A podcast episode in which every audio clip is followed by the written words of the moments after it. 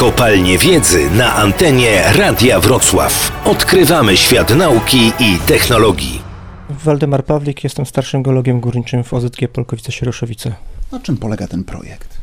Próbujemy wykorzystać geofizykę do badań wyrobisk górniczych w kopalni na dole. Staramy się zaadaptować georadar na poszukiwaniu stref z akumulowanym gazem, który od 2009 powoduje nam wyrzuty skał, no i stanowi niebezpieczeństwo dla pracujących załóg. Skąd gaz pod ziemią? Powstał na przestrzeni milionów lat. Te zbiorniki gazu są małe, małe i bardzo niebezpieczne, bo raz, że mamy ogromne trudności z jego zlokalizowaniem, a dwa, stanowią niebezpieczeństwo dla pracujących załóg pod ziemią. Georadar bazuje na wykrywaniu anomalii w budowie skał, a zakumulowany gaz właśnie jest taką anomalią. Georadar jest w stanie to znaleźć. Wysyła promień, wiązkę nadawczą, odbija się, wraca w postaci wiązki odbitej i my to rejestrujemy. W momencie, kiedy wiadomo, że gdzieś tam kilkanaście, kilkadziesiąt metrów od stanowiska badawczego znajduje się jakiś bąbel powietrzny, co się w takiej sytuacji dzieje?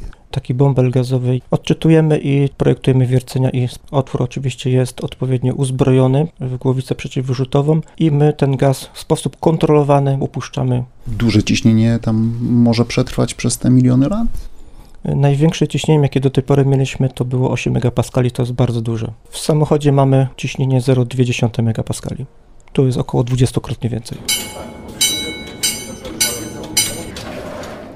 No tutaj mamy otworówkę, tak to potocznie nazywamy. Wielka waliza w środku.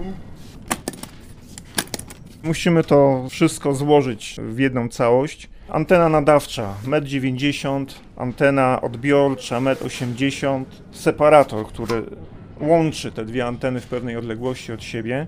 Z 3,5 metra byśmy. I taką rurę wkładamy w otwór wydrążony w skale. Tak, podłączamy kabel do jednostki centralnej, i monitorek i mamy obraz. Po badaniu wyjeżdżamy na górę, przetwarzamy to w komputerze, no i mamy wynik. Jeśli chodzi o kopalnię ród miedzi, e, jesteśmy georadarem w stanie prześwietlić do 10 metrów. To jest wystarczające, dlatego że te bąble gazowe występują od 4,5 do 5,5 metra. Pierwsze georadary były bardzo duże i ciężkie. W tej chwili one wraz z rozwojem elektroniki stały się mniejsze i lżejsze i bardziej poręczne. W KGHM-ie bezpieczeństwo zawsze było priorytetem. My przecieramy szlaki, bo do tej pory geofizyka nie była zaprzęgnięta aż tak bardzo do systemów bezpieczeństwa. Na audycję zaprasza KGHM Polska Miedź SA.